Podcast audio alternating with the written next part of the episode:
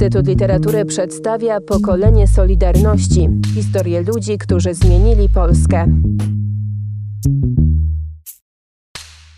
Urodziłem się w Szczawnie Zdroju, niespełna 3 lata po zakończeniu II wojny światowej i tam mieszkałem przez pierwsze swoje 13 lat życia i dopiero potem przeprowadziliśmy się z ojcem, z którym mieszkałem do Wałbrzycha. To było związane również z tym, że w Szawnie zajmowaliśmy dosyć duże mieszkanie, bo na tych terenach było tak, że kto tu przyjeżdżał, zajmował mieszkanie takie, jakie mu pasowało, były opuszczone przez, przez Niemców i te tereny w ogóle nie były naruszone przez działania II wojny światowej. Także tutaj mieliśmy dosyć duże mieszkanie w Szczawie Zdroju, tam gdzie ja się urodziłem.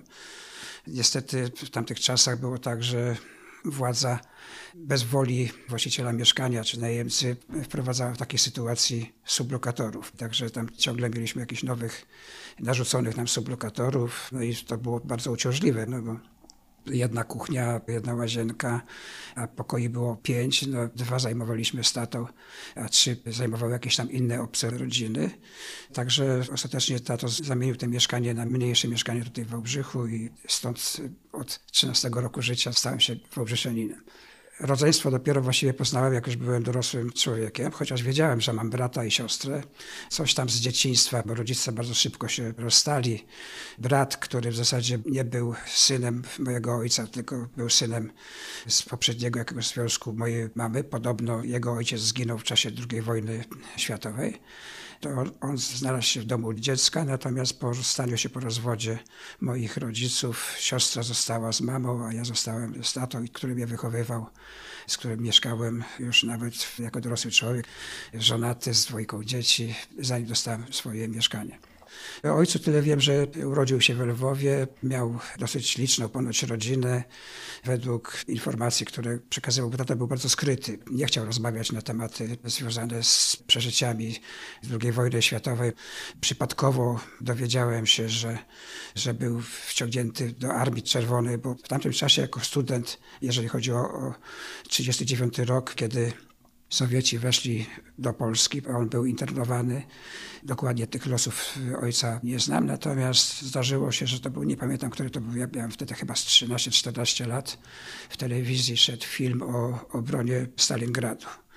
I mój ojciec nigdy nie klął. Natomiast wtedy Wtedy, ten film w telewizji puścili, ojciec oglądał razem ze mną i w pewnym momencie zaczął się cały. Ja myślałem, że coś związane jest, nie wiem, serce, jakieś problemy zdrowotne. Pytałem się, tato, co ci, co ci się stało? Chciałem już lecieć po pogotowie, gdzieś wzywać. A tato mówi, czemu skurwysyny nie pokażą prawdy? Nie? Ja taki zaskoczony reakcją taty, pytam się, a ty skąd wiesz, tam byłeś? On powiedział tak, jak ja próbowałem więcej od niego się dowiedzieć, to już mówi, jak będziesz dorosły kiedyś, to ci, to ci opowiem. Nigdy nie opowiedział. Natomiast z tego, co wiem, to był wciągnięty do Armii Czerwonej i w czasie tej służby zachorował na żółtaczkę i znalazł się w jakimś tam szpitalu polowym, z którego potem uciekł.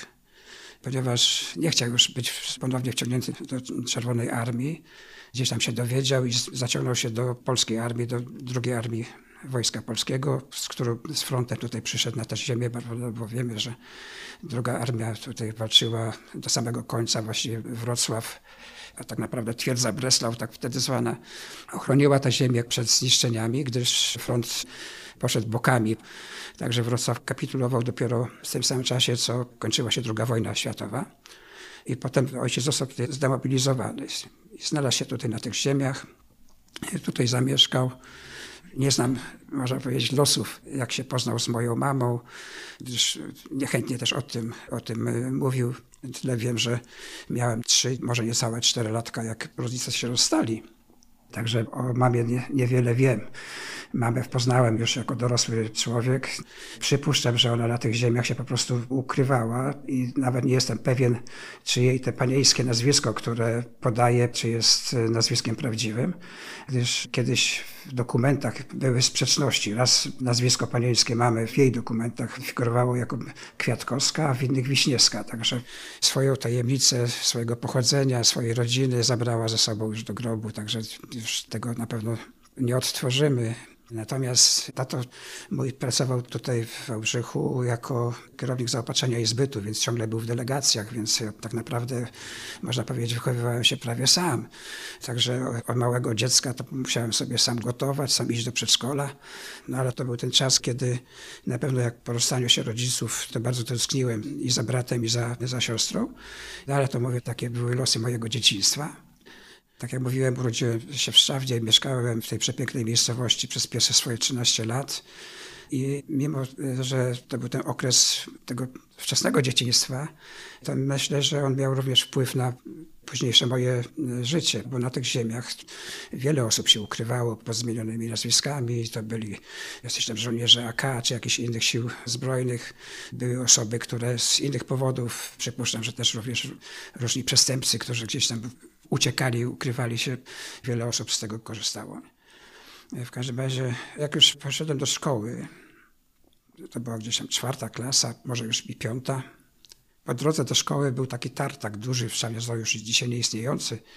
Chodząc do szkoły, tam się spotykałem z panem, który, który tam stróżował. Miał takiego wielkiego psa i tak chętnie ze mną rozmawiał. I szczerze mówiąc, mocno mi namieszał w głowie, bo w szkole wiadomo, jaką historię przedstawiano, prawda? Natomiast on, nie wiem skąd miał takie zaufanie do mnie. Może dlatego, że wiedział, że ja praktycznie mieszkam sam.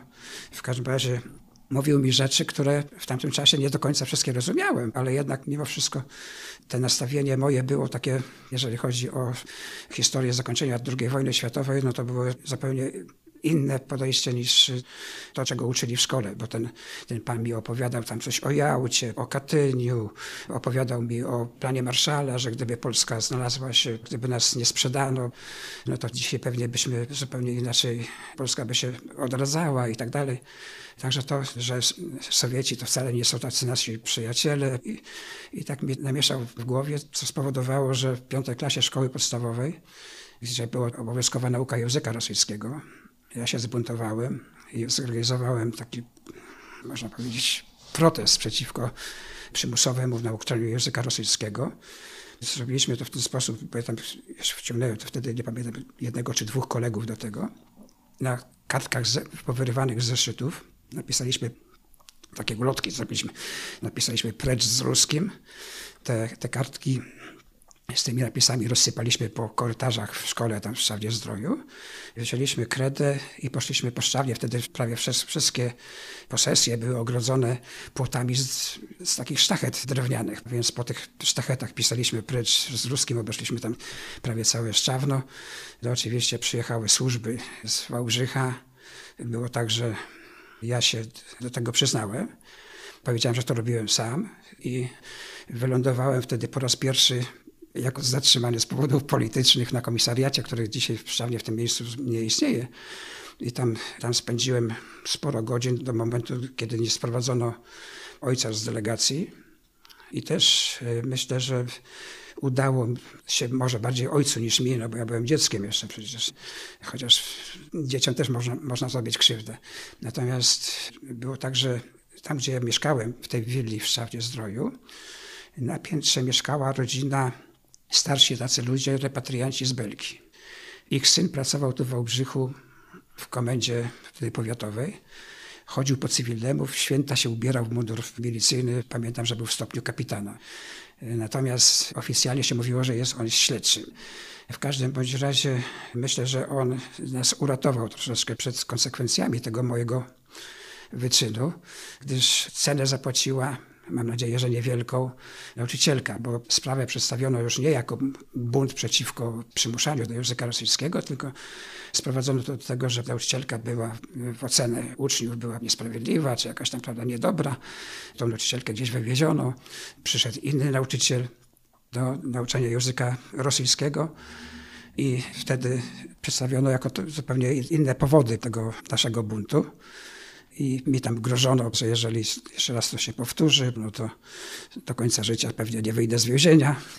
I też było tak, że mimo, że sprawa się troszeczkę rozbyła, także nie, nie poniosłem jakichś większych konsekwencji, ani również mój tato, to jednak ja postanowiłem i nie uczyłem się języka rosyjskiego. Konsekwentnie chodziłem na lekcje, nawet jeżeli, nawet słuchając, to człowiek wiele się uczył ale konsekwentnie nie odpowiadałem, nie prowadziłem zeszytu. Także już szkołę podstawową kończyłem tutaj w Wałbrzychu, gdzie też dalej byłem konsekwentny w tym swoim uporze. Tato mi nie potrafił mi przekonać, prawda, do tego, żeby żebym jednak się uczył, bo inaczej zamknę sobie drogę do szkół, prawda, bo we wszystkich szkołach jest język rosyjski. No w każdym razie było tak, że kończąc tutaj szkołę, która była to była szkoła podstawowa przy drugim liceum ogólnokształcącym. To było połączone. Nauczyciele z liceum również uczyli w tej szkole podstawowej. Moją wychowawczynią była pani, która była dyrektorem, wicedyrektorem całej tej szkoły. No i mieli dylemat, prawda, no bo ja konsekwentnie nie uczyłem się języka rosyjskiego, no i był problem, co ze mną zrobić, no bo trzymać kolejny rok jest bezcelowe, jeżeli ja będę dalej w ten sposób postępować. Więc zaproszono mnie, pamiętam, do pokoju, gdzie tam było grono nauczycielskie, prawda, no i tam oznajmiono mi także, owszem, damy ci świadectwo ukończenia szkoły podstawowej, ale pod jednym warunkiem, że nie będziesz składał papierów do naszej szkoły, czyli do drugiego liceum. Ja przyrzekłem, że nie, nie będę składał. No i także w ten sposób udało mi się skończyć szkołę podstawową, mimo że od piątej klasy konsekwentnie nie uczyłem się tego języka rosyjskiego. To niestety miało wpływ również faktycznie na moje dalsze losy, jeżeli chodzi o wykształcenie, no bo we wszystkich szkołach to było tak, że był przymus nauczania języka rosyjskiego. Natomiast e, znalazłem szkołę, szkołę zawodową w Jeleniej Górze, to była szkoła przyzakładowa. Więc skorzystałem z tego, pojechałem do internatu. Także skończyłem tę szkołę zawodową budowlaną. Potem jeszcze robiłem kurs mistrzowski. Natomiast drogę do kształcenia się, czy w technikum, czy już nie mówię o studiach, no to w zasadzie miałem zamkniętą. Ojciec zawsze już po tych moich pierwszych doświadczeniach ze służbami ciągle mnie przestrzegał, żebym nie angażował się, że to nic nie da, że, że tylko zapłacę za to cenę. Pewnie po, po, swoich doświadczeniach, po swoich przeżyciach raczej wolał się nie angażować. Nie był na pewno zwolennikiem, bo nigdy nie był członkiem partii, natomiast nie ujawniał swoich poglądów. Jak go tam nawet gdzieś tam wypytywałem, coś próbował od niego wyciągnąć, to zawsze było to, jak, jak będziesz starszy, jak będziesz dorosły, to będziemy inaczej rozmawiać. Nie? Teraz daj spokój. Nie? Także żałuję, że nie doczekał 80 roku, być może wtedy by się otworzył, bo to był ten okres czasu, kiedy Polacy, Polacy się otwierali, szczególnie po wyborze Jana Pawła II, to już był zupełnie inny czas.